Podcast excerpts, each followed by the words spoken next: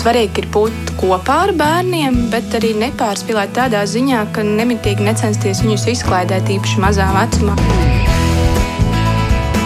Mēs tiekamies ģimenes studijā.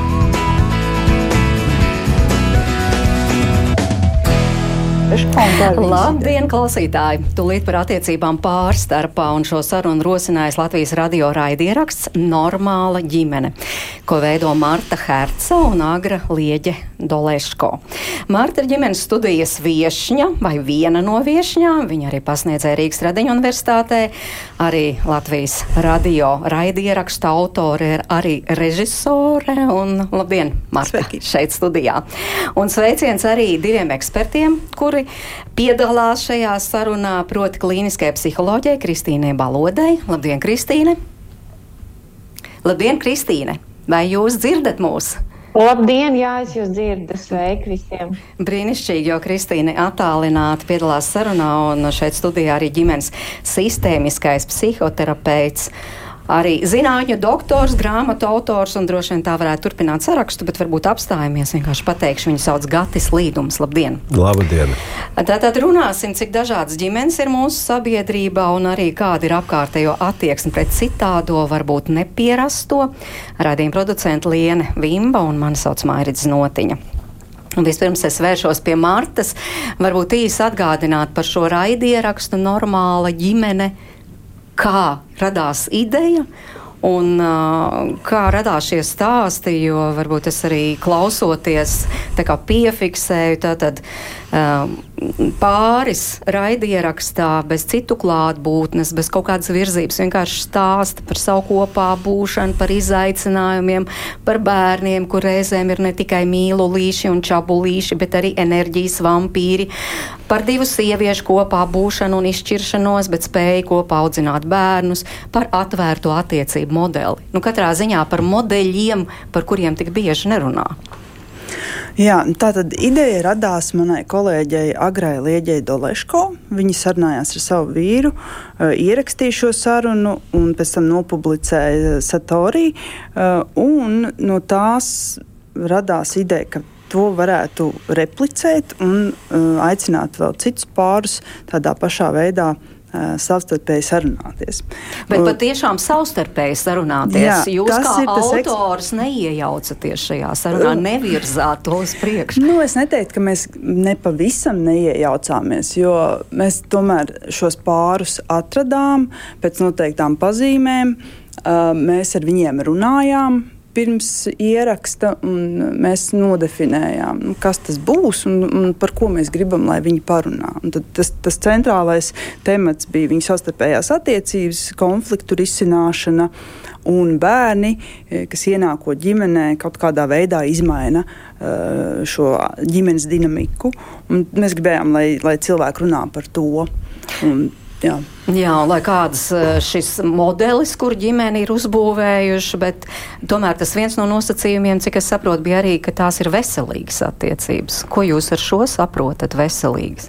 Nu, pirmkārt, cilvēki, kas spēj savā starpā cieņpilni sarunāties. Jo tas arī to, tas formāts to pieprasa, ka, ka viņi spēj savstarpēji sarunāties.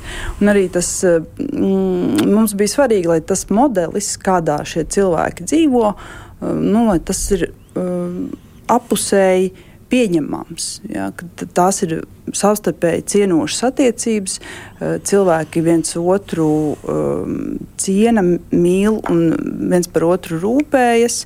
Un eh, viņi spēja savā starpā sarunāties. Arī tie, kas ir šķīrušies. Gāties arī gribēju jūs kā terapeitu lūgt pakomentēt veselīgas attiecības. Kā jūs šo skaidrotu? Nu, es eh, klausījos, un es tieši tā domāju, ka visi šie vārdi, kurus mēs eh, tik, tik, tik viegli lietojam, ka sarunāties, un, un rūpēties un, un cieņpilni, tie jau īstenībā visi ir tikai virsraksti. Zem katra šī vārda ir izvērsums. Un tad ir jāsaprot, nu, pie kāda izvērsuma mēs pieturēsimies, kad mēs par šo runāsim. Un, bet, nu, tā, tā droši vien būtu ļoti sausa un ļoti netik, netik tāda nu, viegla saruna, ja mēs sāktu cīpslāt definīcijas, ko tad kurš ar to domā. Kaut gan to vajag izdarīt jebkurā gadījumā, un varbūt vēlāk mēs par to parunāsim. Bet eh, veselīgas attiecības ir, nu, tur, tur var dažādi runāt, bet eh, teiksim tā, es teiktu, ka pirmais ir, ka šajās attiecībās viens otram nedara pāri apzināti. Nu, var nejauši uzgrūsties vienlaikus ejot uz virtuvi pēc kafijas, tad, kad ir reklāmas pauze televīzijā. Tas nav tas, bet kur viens otram apzināti nedara pāri. Un tad, kad es esmu šo pateicis, arī tas vēl ar vienu ir virsraksts tad mums ir jāizvērš, kas tas viss ir, ko nozīmē darīt pāri, apzināti, neapzināti un tā. Bet es teiktu, ka tas ir tas. Nu, tad par to sarunāšanos, un arī sarunāšanās arī ir tāds vārds, ko mēs lietojam, kurš ir virsraksta vārds. Jo katrs saprot, uh, katrs saprot uh, zem tā kaut ko citu. Jā, piemēram, droši vien daži cilvēki domāja, ka vakardienas Dombūra studijā arī notiek saruna. Man liekas, ka tur notiek neadekvāta ķerkšana brīžiem, bet nu, to vēl vien var raksturot kā sarunu. Um, nu, tā kā terapeitiski varētu teikt, ka saruna, nu, es to arī vienā no grāmatiņām savām esmu minējis, ka tā, tā ir saruna, kurā mani redz, mani dzird un, un, man, un man atsaucās cieņpilni. Nu, tad tā ir saruna. Un uz šī tad arī būvējas tās veselīgās attiecības. Tā būtu liela daļa no tā. Tur varētu būt vēl šis tās iekšā, bet šis būtu tāds labs stūrakmens, uz kura to būvēt. Kristīne, ko jūs piebilstu? Veselīgas mhm. attiecības. um, Nu, es droši vien uh, definētu tā no saviem vērojumiem, ka tās būs attiecības, kuras apmierinās vajadzības. Un vajadzības, kā mēs zinām, mums cilvēciskām būtnēm ir ne tikai um, fizioloģiski, bioloģiskas, bet arī psihoemocionālas, sociālas un arī garīgas vajadzības. Un viņas mainīsies uh, mūsu dzīves laikā, un viņas noteikti ietekmēs arī konteksts, kurā mēs kaut kādā dzīves brīdī katrs no mums atrodamies. Tā kā es droši vien definētu, ka tā ir tā labklājība, kuru mēs mēģinām vienalga, kas tad veido to cilvēku kopumu, ko, ko mums katram nozīmē ģimene, bet kura ir tomēr mērķtiecīgi orientēta uz šādas vides kopīgu radīšanu. Tas būs vienmēr saistīts ar sadarbības procesu, nevis savstarpēju konkurēšanu, kuram būs taisnība un kura vajadzības būs nozīmīgākas vai nenozīmīgākas. Jo um, man vismaz darbā ar cilvēkiem aizvien bažīgāku uh, um, nu, vai tādu piesardzīgāku drīzāk rada, piemēram, tas definējums nesāpināt otru. Jo es teiktu, ka divu cilvēku vajadzības simtprocentīgi vienā laikā ir tīpaši ņemot vērā, ka viņas ir tik daudz šķautņainas un tik dažādas apmierināt mēs nevaram. Līdz ar to ir gandrīz neiespējami radīt apstākļus, kuros kaut kādā brīdī kāds netiek sāpināts. Un ja mēs tomēr uz sāpēm raugamies, nu, šajā gadījumā kā uz psihoemocionālu pārdzīvojumu, tad tas, ko es vēroju savā darbā, ļoti bieži mēs pārspīlējam jūtu stāvokļu nozīmi, neaplūkojam viņu varbūt kā drīzāk tādu ceļa zīmi, kura mums norāda, ka tur šai, šim konkrētajam ego ir kaut kādas neapmierinātas vajadzības, un tādēļ viņam sāp. Bet, virs, manuprāt, ir tomēr jābūt virsvērtībām, kas nevar būt vienā cilvēkā centrētas, kam mēs savā ziņā kalpojam visi kopā, tai mazākā vai lielākā grupā, kura nu ir apņēmusies to kopā darīt un kurai būs arī pakļauti līdz ar to bērni, kurus mēs radīsim vai kuri būs mūsu ietekmē. Nu jā, bet droši vien, lai saprastu, kuras tad ir tās virsvērtības un kas ir tas svarīgais mūsu ģimenē un kā mēs tās attiecības tad veidosim, mēs tomēr atgriežamies pie šīs sarunas. Un, starp citu, tas, kas man šajā raidierakstā normāla ģimene patiešām fascinēja, ka divi cilvēki, pāris, var stundu, droši vien noteikti ilgāk vienkārši sarunāties un nevis par to, par ko pārī nu, bieži runā. Es nezinu, kurš aizies uz veikalu, kurš nopirks desu, vai kurš izņems bērnu no bērnu dārza un kurš no skolas bet tiešām par attiecībām. Kā mēs tās veidojam, kā mēs būvējam to savu ģimeni, kas man sāp, pieņemsim, un kas tev sāp, un kāpēc, un kā mēs to varam risināt, un tam līdzīgi. Jā, bija pāri, kas teica, ka viņiem šādas sarunas notiek regulāri, bet bija tādi, kas teica, paldies, mums bija ļoti normāla terapijas sesija, jā, mēs eh, iedavām iespēju viņiem apsēsties. nekas viņus netraucē, bērnu nav, bērni kaut kur dārziņos. Un, un, jā, ka viņi var parunāt par šīm tēmām. Un, jā, man, man šķiet, ka arī man, mēs ar Agru arī esam pārsteigti par to, kāds ir rezultāts. Ka cilvēki nevis, nu, gan jau ka kaut kādā mērā viņi būvē to savu ideālo bildi, bet tomēr šajās sarunās nu, var nolasīt šīs ģimenes dinamiku, var nolasīt kur ir tie sāpīgie punkti.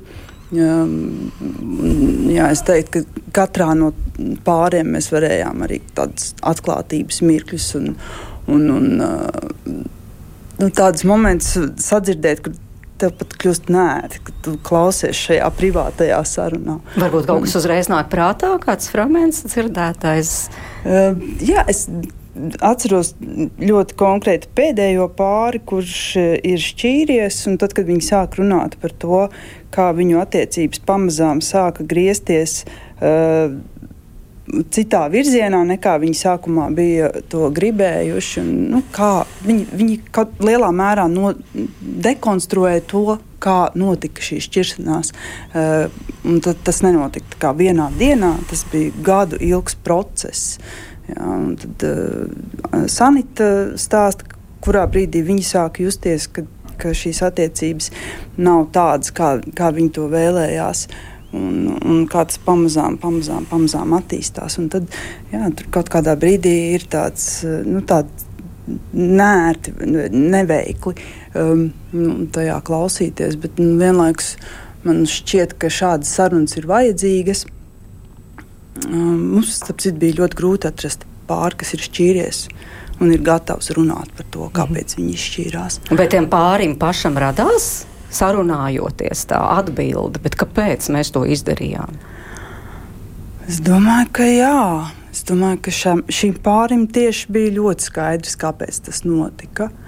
Un viņi arī ļoti atklāti pateica, ka lielā mērā um, tieši viņi lietoja vārdu savienojumu seksuāla nesadarība mm, bija, bija tas centrālais temats. Bet uh, jā, ir, ir pāri, uh, te, teiksim, poliamorais pāris. Uh, um, tad, kad viņi runāja par, par šķiršanos, viņi nevarēja atcerēties, kāpēc, kāpēc tas notika. Jā, kā, mm. Ir ļoti dažādi. Man šķiet, ka tas ir tas, ko mēs gribam pateikt. Ka ir ļoti dažādi. Jā, attiecības ir um, katram ir citādākas. Mums ir viegli domāt par to, kā, kā ir mums, un mēģināt attiecināt to uz visiem citiem, jā, vai uzspiest citiem. Man, manuprāt, tā nav tāda pareiza pozīcija. Jā, es ļoti labi zinu, ko es gribu attiecībās, kādas ir manas attiecības un, un kas man tajās nepatīk. To es risinu um, mūsu ģimenes iekšienē. Un, un, um, jā. Uh, jā, bet no ekspertiem tā ir tāda mūsu dienu realitāte, kā te stāsta Marta, ka pāris šādi apsēžas, izrunājas, atrod atbildi, vai tas ir tāds vēlamais modelis? Kādam vajadzētu būt? Kristīna. Es noteikti varētu teikt, ka uh, vismaz manas prakses laikā, un tie jau tomēr dažādos formātos būs tuvu 20 gadiem, es noteikti redzu šo tendenci, kad saruna vairs nav kaut kāds uh, negadījums uh, partneru starpā vai arī uh, dažādu attiecību formātu starpā. Uh, manuprāt, savā ziņā viņa ir normalizēta pieredze, uh, Un mēs visi esam krietni auguši tajā, ka mēs sākam izprast uh, sarunas, bet tiešām uzsverot nevis monologu otra cilvēka klātbūtnē, bet patiešām doma apmaiņas, jūt apmaiņas un šo te vērtību apmaiņas, piepildītas saturiskas sarunas, kuras arī maina līdz ar to to realitāti, kurā mums pašiem ir jādzīvo, jeb to kom, uh, nu, tādu kontekstu, uh, kurā mums ir jāiejūtās, jo cik tad ilgstoši mēs varam kā lai saka, tā kā gribēt atgriezties vidē, kura nepārtraukti izraisa mums uh, spēcīgu negatīvu pārdzīvojumu vai uh, tērē ļoti daudz enerģijas, um, ceļot vairāk žogu vienam starp otru, netik daudz to tiltu, kas varētu mums palīdzēt satikties. Un es noteikti redzu šo pozitīvo tendenci, kad ar vien vairāk vairo, ir, ir redzami cilvēki, kur vēlas dzīvot ar šo tilta sajūtu vienam pie otra, lai cik reizēm dažādi un atšķirīgi būtu viņu redzējumi, viedokļi un dažādas būtu vērtības, kurā, kuras viņi saskata kā akūti nepieciešams savā dzīvē realizēt, nekā tie, kur vienkārši normalizē nepārtrauktu varas teritoriju dalīšanu vai savstarpēju ignoranci vai uh, kaut kādu normalizētu klusumu starp vienā maisaimniecībā dzīvojošiem cilvēkiem, kuriem jau nav vairs vienkārši kur likties ar to savu būtību. Un tad mēs to definējam kā to krāpšanu vai sānsoli vai to amorālo rīcību. Um. Gati. Jā. Kas jums piebilstams? Es ļoti, ļoti interesēti klausījos. Es pat nezinu, ko tur vajadzētu piebilst. Jo tas par ko mēs gribam šodien vairāk runāt, eh, un, eh, protams, par šo rai, balstoties uz šo raidi, raidierakstā dzirdēto, ir ieraksts vai saruna, eh, kura izraisīja visvairāk diskusijas arī klausītāju starpā, un tas ir jau šeit pieminētā Aigara, Elīnas un Artūra stāsts, un tas ir stāsts par atvērtām attiecībām. Un uh, varbūt Marta tad pastāstiet vairāk, jo mēs par šo arī gribam parunāt vairāk. Tātad Aigars un Elīna ir precējušies. Jā. Bet sarunā piedalās vēl arī Arthurs. Arthurs ir Elīnas bijušais vīrs, ar kuru viņiem kopīgi ir trīs bērni.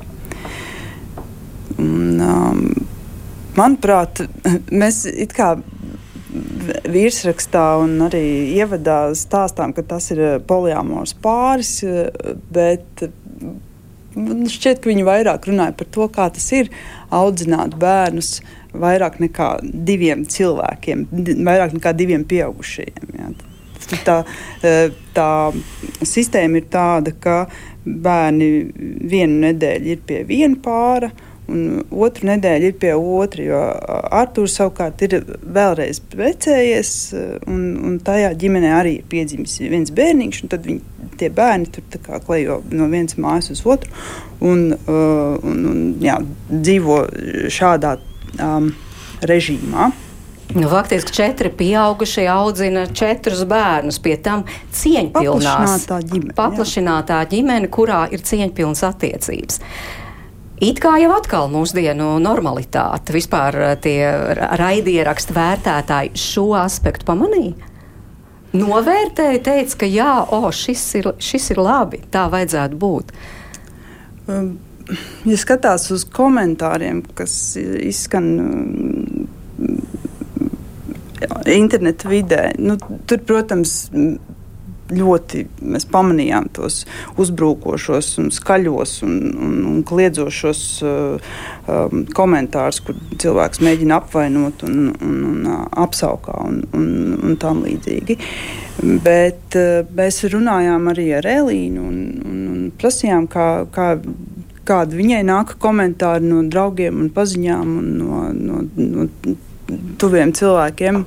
Un arī mēs paši ar agru saņēmām komentārus atbalstošus, ka ļoti labi, ka mēs par to runājam un, un ka šis uh, vairs netiek kaut kur paslēpts zem, uh, zem tepiņa. Vienlaikus mēs ar agru arī katras sērijas beigās runājam par savām pieredzēm un uh, savu attieksmi. Un, uh, un šeit ir tas gadījums, kad mēs abas vienojamies par to, ka mēs negribam savās attiecībās uh, šo modeli. Ja? Bet tas nenozīmē, ka tā nevar dzīvot. Ja, tas ir iespējams. Mēs esam, uh, mēs esam demokrātiskā valstī, mēs esam brīvi cilvēki. Un atkal, kamēr mēs viens otram nedarām pāri, mūsu starpā ir vienošanās, mēs esam cieņpilni viens pret otru, un uh, bērniem ir uh, mīloši pieaugušie, ja, kas par viņiem rūpējas. Ja, kāpēc nē? Mhm.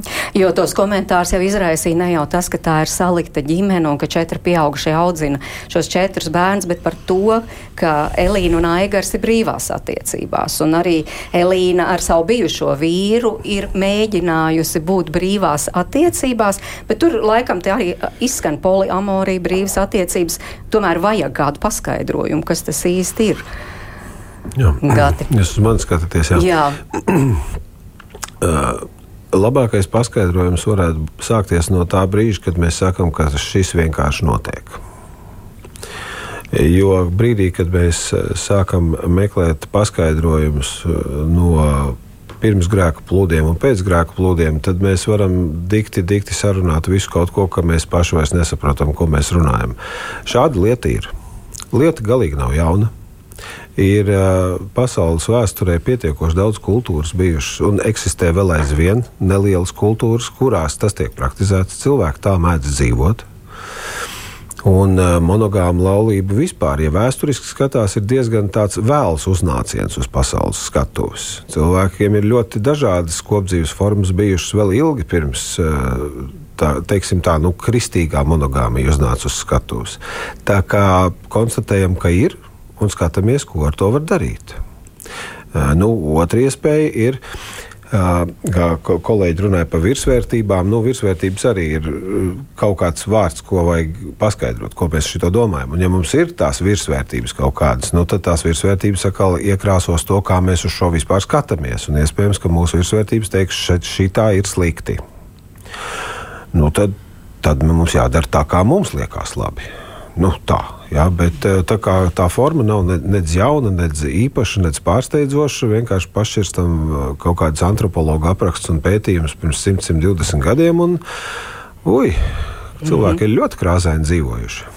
Nu jā, Kristīna, jo atvērts attiecības, tas nozīmē tiešām mēs esam attiecībās, bet mēs atļaujamies, mēs ļaujam otram būt arī citās attiecībās. Un nu, mēs par to vienojamies.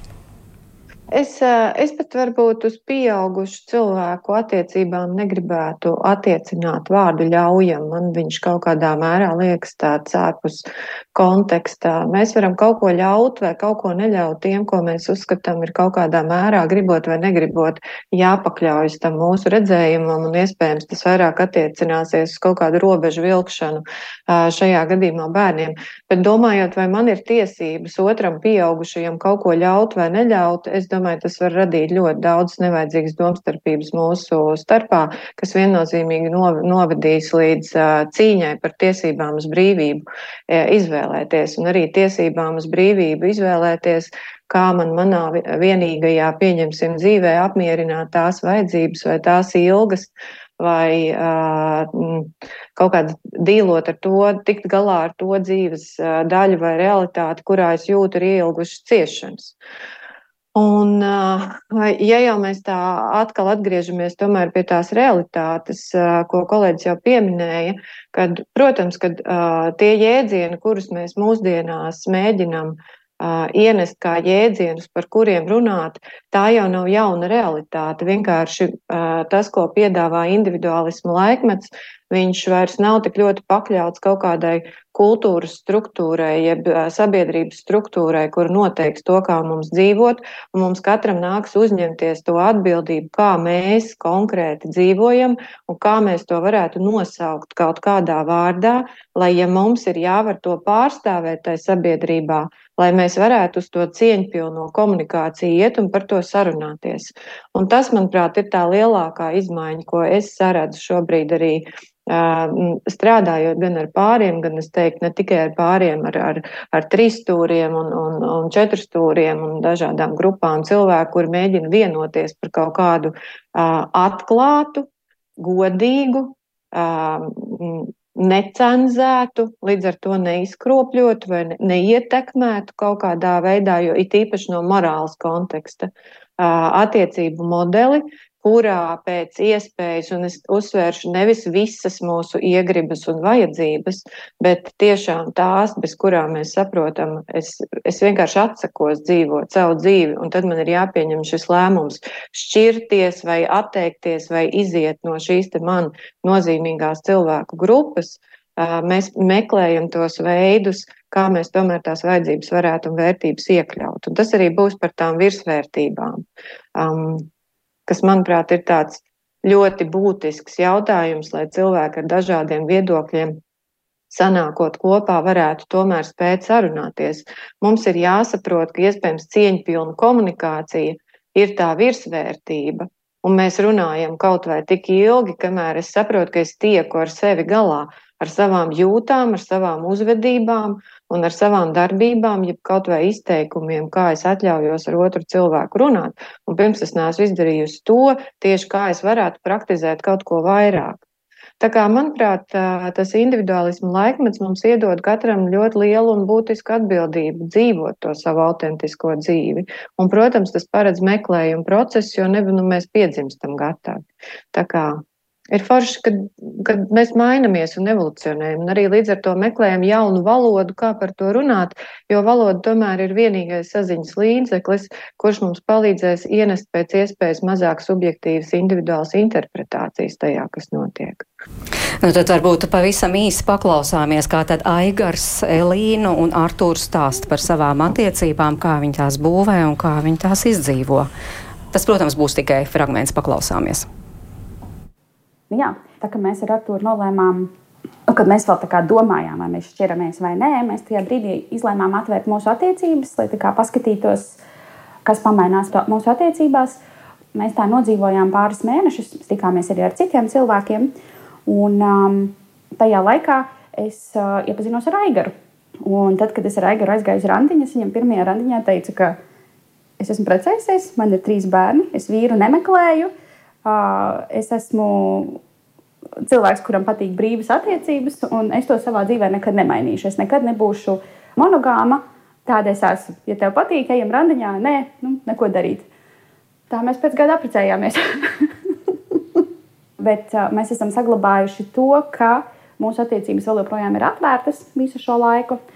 Ir bijuši kaut kādi brīži, kad mēs esam arī aizvēruši tās attiecības, vienmēr jāsako līdzi, kā abi jūtamies emocionāli un, un kādas situācijas. Uh, un kas notiek? Liekas, ka no malas izskatās, ka um, mēs piedzīvojām tādu ārkārtīgi klasisku situāciju, kur uh, tiek atvērtas attiecības un notiek sliktākais, ka ienāk kāds cits, kurš uh, no, no manas skatu punkta būtu tāds, kā atnāca un, un, un noņēma manu sievu, un es paliku viens. Bet um, es zinu, ka tagad nu, ka tas tā nebija.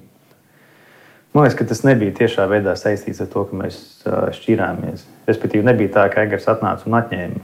Man liekas, ka vienkārši starp mums izveidojās plaisa un radās jauna vieta. Un, un, un, un tā smuka teikt. Droši vien, ka radās Egaram vieta. Un... Nu, tajā pašā laikā ienāca arī uh, Ieva gandrīz uh, vienlaicīgi. Viņš viņa vēlāk, jā, nu, jā, jā, jā, jā, jā. Kā divu nedēļu starpību. Nu, jā, īstenībā tās jaunās attiecības izveidojās jau tad, kad mēs bijām kopā un mēs bijām atvērtās attiecībās. Un mēs tad, jau tajā jā, tad, brīdī tad bija... diskutējām par to, ka mēs varētu šķirties, bet mēs bijām nolēmuši, ka varbūt padzīvosim kopā vēl kādu laiku un paturpināsim atvērtās attiecības. Mēs centāmies meklēt kaut kādus risinājumus. Uh, Mēs gadu vai vairāk gājām uz pāru terapiju, bet, cik es atceros, pēdējie divi gadi mūsu laulībā bija tādi, ka es ļoti bieži raudāju. Es biju emocionāli kā, bedrē ļoti daudz, daž, dažādu apstākļu dēļ. Un, um, mēs nevarējām atrast uh, risinājumu tām manām sajūtām un to, kā mūsu attiecības tajā brīdī gāja. Lai arī mums vēl joprojām bija cieņa un, un, un respekts un mīlestība vienam pret otru. Mēs bijām labākie draugi. Vienkārši bija kaut kādas emocijas, ar kurām mēs, es nevarēju tikt galā. Kāpēc mēs izšķīrāmies? Kāpēc mēs izšķīrāmies? To man daudz cilvēku prasa, kāpēc mēs izšķīrāmies. Es vairs neatceros, kāpēc tieši. Visas tie strīdi, kas bija tolaik, viņi sākās no vietas, kur um, tev kā cilvēkam vajadzēja lielāka brīvība nekā es kā partneris tev spēju viņu sniegt. Joprojām ir savas uh, expectācijas pret uh, partneri, ar kuru tu esi kopā, savs tas, uh, veids, kā tu vēlēsies veidot attiecības, un, un, un man viņš ir citādāks. Es esmu mazāk, uh, mazāk brīvs, es esmu citādāk domājošs cilvēks. Un, uh, es nevēlos dzīvot atvērtās attiecībās. Tu esi citādāk brīvs. Citādāk brīvs, jā. Un man liekas, ka šīs te mm, lietas, tā vēlme attiecības katram veidot citādāk, arī novada pie tā, ka radās uh, neizpratne. Mēs mēģinājām runāt, bet uh, tu vari izrunāt uh, emocijas, tu vari izrunāt to, no kurienes viņas nāk, bet ja viņas visu laiku rodās, tad um, tas nozīmē to, ka tu dzīvo mājā, kurā visu laiku ir uguns, ugunsgrēks. Tu, tu vari būt ļoti meistarīgs uh, ugunsdzēsējs un visu laiku viņus dzēst nost, bet viņi, kā viņi radās, tā viņi turpina rasties. Un kādā mirklī es domāju, ka mēs nonācām pie secinājuma, ka baigi grūti visu laiku skriet pakaļ ūdenim un liet uz uguni. Uguni virsū varbūt tomēr nevajag dzīvot tādā mājā, kur visu laiku aizdegā. Mums katram bija savs redzējums Un, lai cik ļoti mēs centāmies, un, un lai kā mēs kaut kādā ziņā centāmies nolikt malā mūsu iekšējās lietas, vai piekāpties viens otram, rezultātā vienkārši tas ugunsgrēks visu laiku bija, un uh, mēs nogurām viņu visu laiku dzēst. Man iekšējā ticība ir tāda, ka jebkuri divi cilvēki ir spējīgi izveidot attiecības. Jautājums vienmēr ir par to, cik daudz uh, tas no tevis prasa es domāju, ka var salikt pilnīgi uh, nesadarīgus cilvēkus, un ja viņi abi vienosies par to, ka mēs izveidosim attiecības, lai ko tas prasītu, viņiem viņi, nu, viņi sanāks, viņi spēs viņus izveidot. Vienīgā problēma ir, ir tāda, ka viņi pa ceļam, ja viņi ir nesadarīgi, tad viņi pa ceļam viens otru, nevis viens otru, bet viņi katrs pazaudēs sevi. Un, uh, veiksmīgas attiecības manā skatījumā ir tādas, kur tu spēj būt kopā ar uh, otru cilvēku un saglabāt maksimāli daudz sevis. Mēs varam dzīvot atvērtās attiecībās. Tas nozīmē, ka man ir jāupurē ļoti liela daļa no tā, kas esmu es. Mēs varam dzīvot uh, monogāmās. monogāmās, slēgtās attiecībās, kur uh, būtu jāupurē Elīnai ļoti liela viņas daļa. Un, uh, mēs vienkārši nonācām pie secinājuma, ka nu, tas nestrādās tā ka tā daļa, kas ir jādod, ir, ir pārāk liela.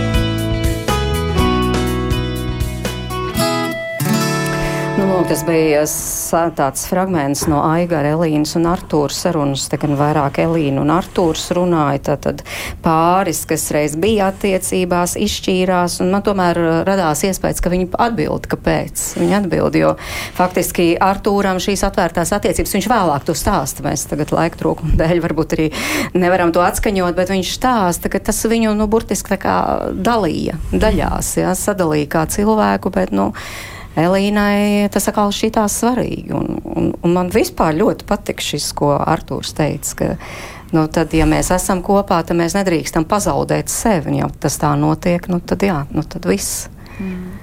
Es, es domāju, ka viņi sarunas laikā mēģināja atcerēties to, kāpēc viņi ir izšķīrušies. Tad viņiem tas izdevās. Ļoti labi man šķiet arī noformulēja to, kā katrs jutās un, un kāpēc viņi rīkojās tā, kā viņi rīkojās. Jo tur ir arī ļoti daudz grūtu lietu. Pēc tam Elīna stāsta piemēram par greizsirdību, cik tas ir sarežģīti ar to tik galā un tam līdzīgi. Bet tas kādi komentāri pēc tam skat, skanēja no sociālajiem tīkliem. Bet tad, kad to dara pakluso, tad viss ok, neviens neiebilst, tā jau ir tā pati krāpšana un tam līdzīgi. Gati. Jā. Kā jūs šo komentētu? Man liekas, tajā intervijas fragmentā bija tik ārkārtīgi daudz informācijas iekšā.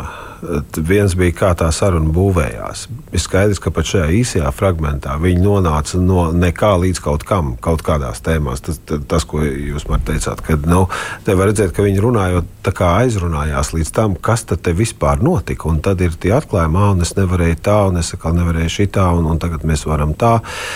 Un, uh, Nu, es nezinu, kā te var, te var, te var eposu rakstīt par šo mazo fragment vienu. Bet es domāju, tas, ko es sadzirdēju, ir tas, ko es bieži vien dzirdu arī savā profesionālajā darbībā, savā kabinetā. Ka šāda veida modelis, kurā ir iesaistīti vairāk, nu, teiksim, kas ir mazliet vairāk nekā tā dēvētā tradicionālā ģimene, ka tas ir parasti Un, un lūdzu, es neteicu nekad, un es neteicu vienmēr. Tas parasti ir ļoti ergonomiski neizdevīgs modelis pārim. Jo, lai visu šo zvēru dārzu samanģētu, aiziet ārkārtīgi daudz enerģijas. Pirmkārt, jau tīri tā loģistikā, kā mēs te visi pa baru šo darīsim, bet otrs arī iekšēji. Jo mums ir jāstrādā ar kaut kādām sava ego šķautnēm, nošķeltām daļām, jāapzinās, jāsaprot, kāpēc es gribu to, kāpēc es negribu šito. Nenormāls resurss tajā ir jāinvestē. Un, un es nesaku, ka tajā monogāmajā modelī nav jāstrādā ar sevi, bet tas ir daudz ergonomiskāks modelis.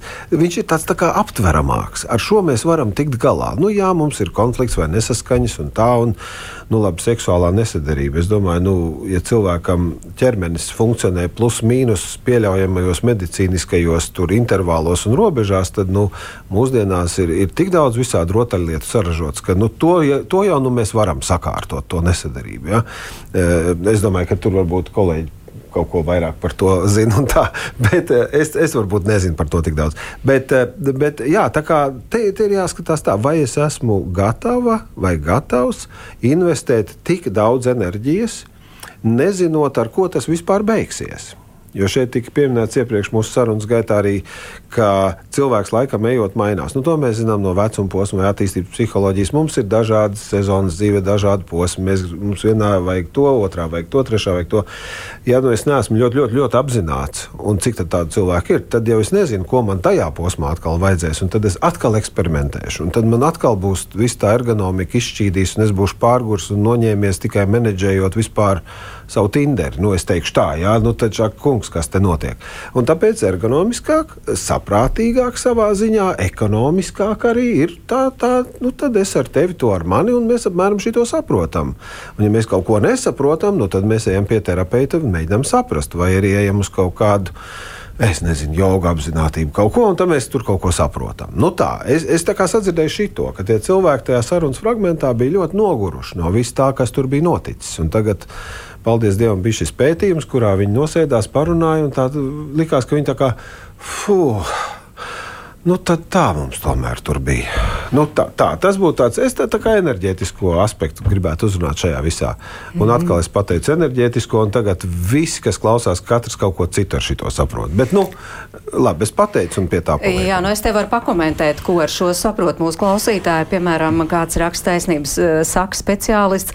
Es kā mīļākā varu teikt, ka tas ir laikietilpīga lieta būt trīsstūrī. Nav laika un naudas. Ja nav laika un naudas, tad to nevar atļauties.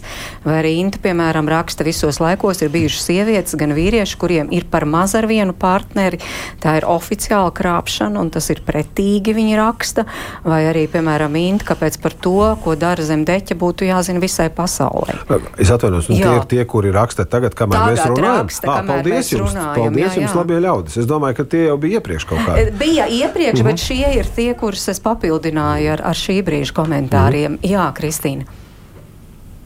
Es aizdomājos, klausoties vairāk par to, kā mums veidojās arī tie priekšstati un cik ļoti mums tomēr ir tā tendence idealizēt to heteronormatīvo uh, monogāmijas modeli, kurš līdz šim tomēr es atvainojos par tiešumu, bet ir pastāvējis uz sieviešu dzimumu rēķina jo mēs nekad vīrieti neesam cenzējuši viņa vajadzībās, kur viņš iet un ko viņš dara, un diezgan ātri esam iemācījušies to normalizēt un pateikt, ka tas jau tā ir, tā vīriešu dabā. Mēs pat nezinām, kā tas būtu, ja sievietēm vispār būtu bijušas tiesības būt atvērtām un ar uh, iespēju sevi pārstāvēt no tās pirmās dienas, kad tā monogāmija tika izdomāta kā tāds kā dzīvesveids un kults, kuram mēs tagad visi sekosim.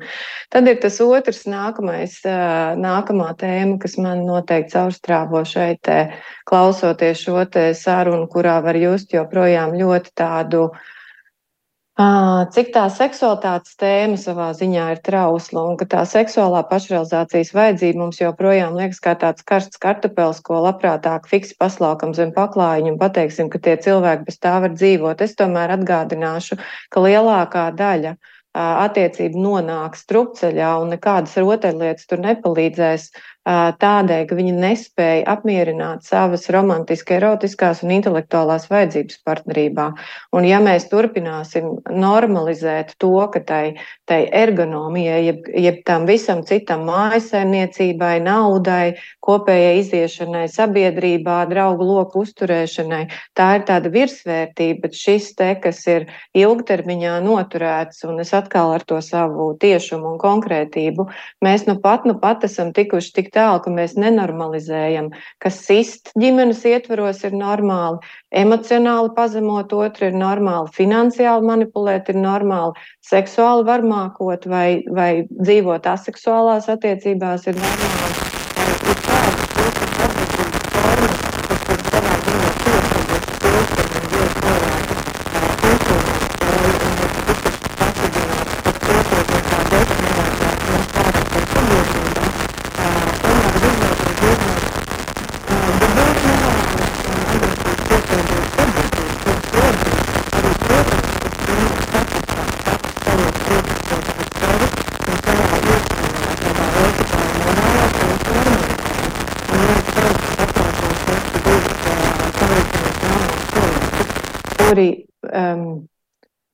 Paceļ šo tēmu. Un, protams, ka viņi iet cauri grūtībām. Grupā vienmēr ir vieglāk iet cauri, un tie, kas ir pirmie, kuri nāk kaut kādā mērā atklātībā ar savu tēmu, ar savu dzīves modeli, ar, ar savām iespējām, protams, ka viņi iet cauri daudz lielākām grūtībām, jo viņiem jau pat vēl nav grupa izveidojusies, kas būtu tāda pietiekoši droša atbalsta vide, kas varētu viņiem ļaut justies kā pietiekoši adekvātiem cilvēkiem, nevis visu laiku iet ar attaisnojumu, kādēļ tad mums kaut kas tur nebija kārtībā.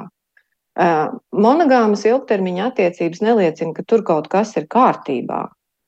Un es domāju, ka katrs ir īpaši tie, kas sēž pāru terapijās, un tie, kas ir dzirdējuši, vai kādreiz tie varbūt vairāk bija mācītāji, vai jebkurš cilvēks, kuram ir pieeja cilvēku aizkulisēm, Es nedomāju, ka teikt, ka tur baigi viss ir kārtībā, ka šī norakstīšana, samierināšanās, aiziešana sērās, aiziešana ieilgušos dziļos depresīvos stāvokļos vai nevarēšana pašrealizēties, jo ir nepārtraukti jārisina attiecību kaut kādi jautājumi, ir kaut kas ļoti normalizējams. Un tās tomēr arī ir tās pašas realitātes, kuras ir tajās pašās attiecībās sastopamas un paņem arī ļoti daudz laika un enerģijas.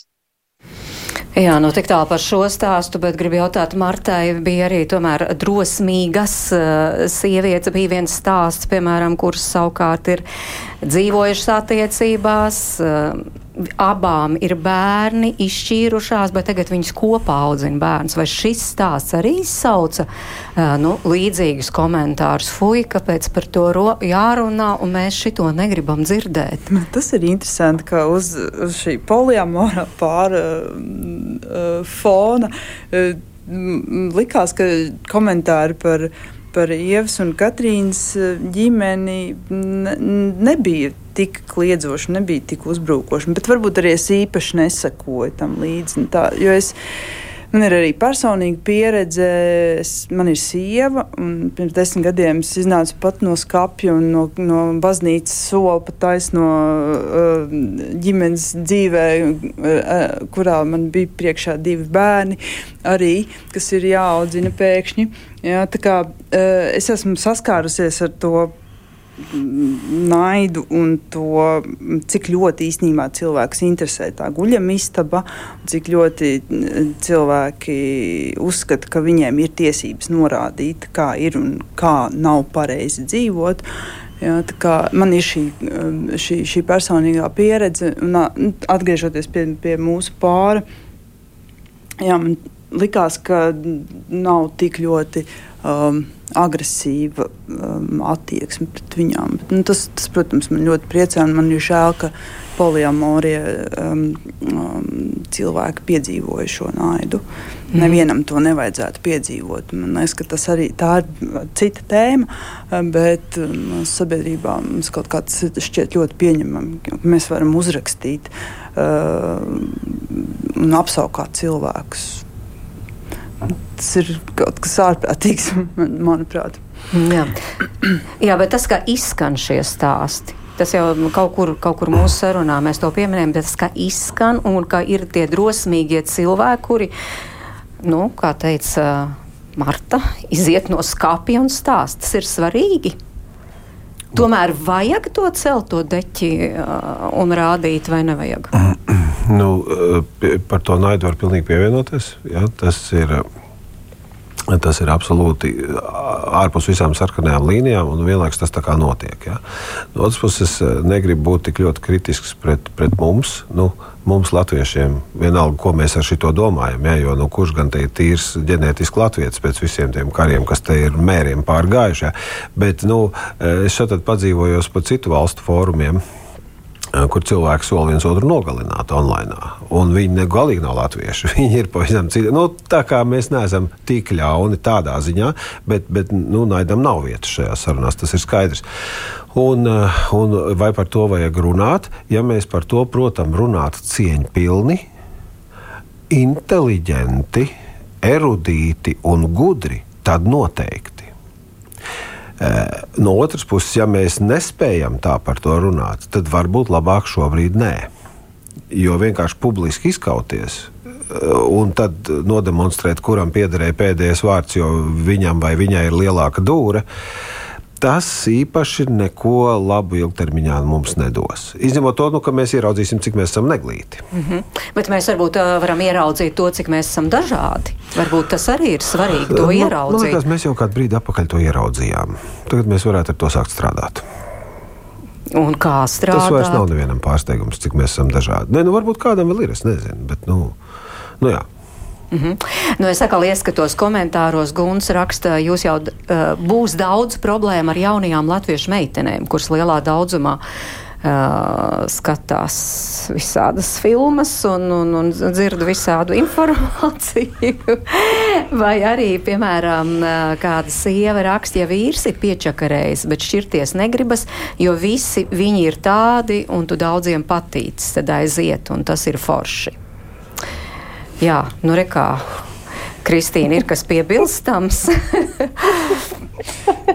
Man liekas, mums vēl tāls ceļš ejams ir līdz tādai uh, sirsnībai, es teiktu, šajā tēmā. Kad, manuprāt, tāda viena būtiska nianses, kas kardināli maina cilvēku miedarbību, ka viņi spēj būt uh, sirsnīgi viens pret otru, lai ko viņi tur domātu un nejustos tik ļoti apdraudēti un sabiedēti ar kādu atšķirīgu realitāti, ar kuru es sastopos tajā savā ceļā, kas automātiski man, nu, vai nu es brūku tiešā veidā virsū, Vai nu es kaut kādā mērā aroganti izdomāju, ka es par to kaut ko vairāk zinu, un tādēļ man ir tiesības uzbrukt un izvērtēt un, un teikt, kā būt. Bet uh, es ļoti ilgojos pēc sirsnīgām sarunām šajā kontekstā, kur katrs var būt ar to, kā viņš ir. Uh, manuprāt, psiholoģija un psihoterapija dara visu iespējamo, lai jebkurš cilvēks varētu atrast sev atbalstu un resursu, gan pats tikt skaidrībā, gan arī citus aicināt tikt skaidrībā sabiedrībā, un noteikti ne Facebook, ne Instagram, ne TikTok, ne Twitter nav vide manā izpratnē, kur. Uh, kur rast patiesību. Tā, tā, tā varbūt ir vide, kur mācīties sarunāties, bet es ne, neredzu, ka viņus kaut kādu konstruktīvu sarunu vajag vestu. Viņi tomēr ved vairāk uz to lineālu metodi. Šitam es ielieku sirsniņu, šitam es uzbrēcu kaut ko briesmīgi virsū. Tā kā saruna kā tāda, protams, ir, ir kaut kas, kas nepielīp kā slimība, bet kaut kas, kas attīstās kā prasme un vide viņai ir vajadzīga. Tā kā man ir prieks par šādiem raidījumiem, kur šāda vide tiek radīta un cilvēki var rakstīt un komentēt un iesaistīties. Jā, jo, lai kāda ir komentāra, tomēr kāds klausās un domā, bet ir vēl viens, mums tulīt ir jābeidz saruna, ir tomēr vēl viens jautājums, kas visa šī radies arī klausītājiem un arī sociālo tīklu lietotājiem, bet kā šajos, nu, atšķirīgajos modeļos eh, jūtas bērni? Vai bērniem ir jāzina par šo, vai vecākiem par to ir jāstāsta? Un vai tad tie bērni nav tie, tie cietēji, tā teikt, jo pieaugušie jau var darīt visu, ko grib? Gati. Atkal es. Labi. labi. Nē, nu, labi. Nu, lai būtu es. Jā. Nē, nē, viss kārtībā. Uh, redz, te, nu, Man tagad ļoti rūpīgi jāpārdomā, kā es izvēlēšos vārdus, lai, lai vēl atlikušajās piecās minūtēs par mani nesaraksta kaut ko sliktu. Jā, varbūt Kristīne, Bet, Kristīne dodam vārdu jums, un tad Gatim būs jā. tas noslēguma no, vārds par bērniem, jo tas mums ir vēl jāizrunā. Mm. Es par bērniem šā gada ietvaros esmu bijis spiest tik daudz domāt, ka es jau vairs pat nezinu, ko es pati par to domāju. Bet nu, viennozīmīgi, manuprāt, tas, kad ir ārkārtīgi, ārkārtīgi bīstami bērnus turēt uh, izolācijā un pēc tam izlaist tā no tādas siltumnīcas pieaugušo cilvēku pasaulē, un uh, viņi saskarās ar to. Uh, realitāti, ar kuru viņi tāpat saskarsies, manuprāt, ir daudz neveselīgāk nekā uh, ar viņiem vecumposmam atbilstoši un viņu izpratnes līmenim atbilstoši runāt par jebko, kas skars šajā pasaulē arī viņus. Un viņus visticamāk skars visi iespējamie attiecību modeļi, visas iespējamās orientācijas, visas iespējamās identitātes un noteikti daudz, daudz eskalētākā veidā nekā tas šobrīd skar mūs.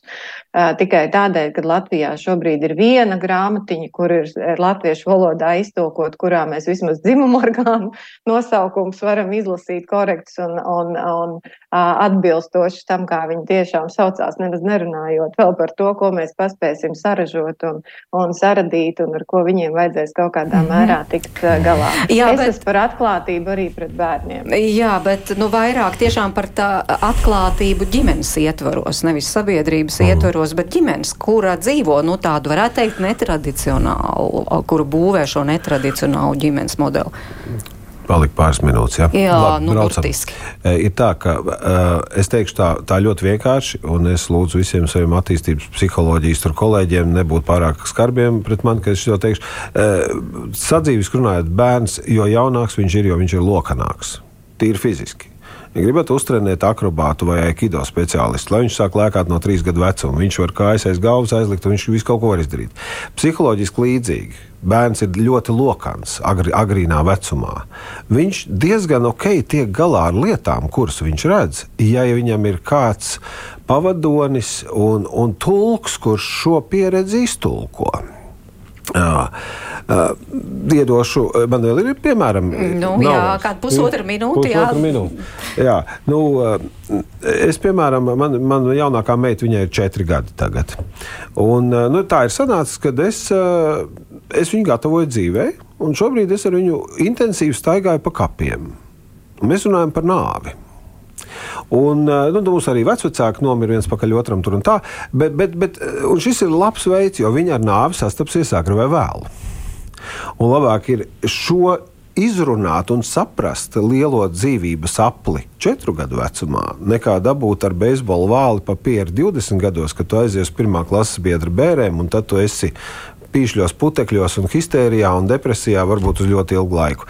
Tā kā jā, mazi bērni ļoti labi saprot lietas, kā to teica Alberts Bandura savā laikā, psihologs, bet viņi ļoti slikti māk interpretēt. Un tāpēc, ja mēs viņiem pamācām nointerpretējam, viņi tiks ar to galā. Mm -hmm, tā kā arī pāris, kur dzīvo atvērtās attiecībās, var šo izrunāt ar bērniem. Marta, viena minūte turpināsies, jā, stāsti par normālām ģimenēm.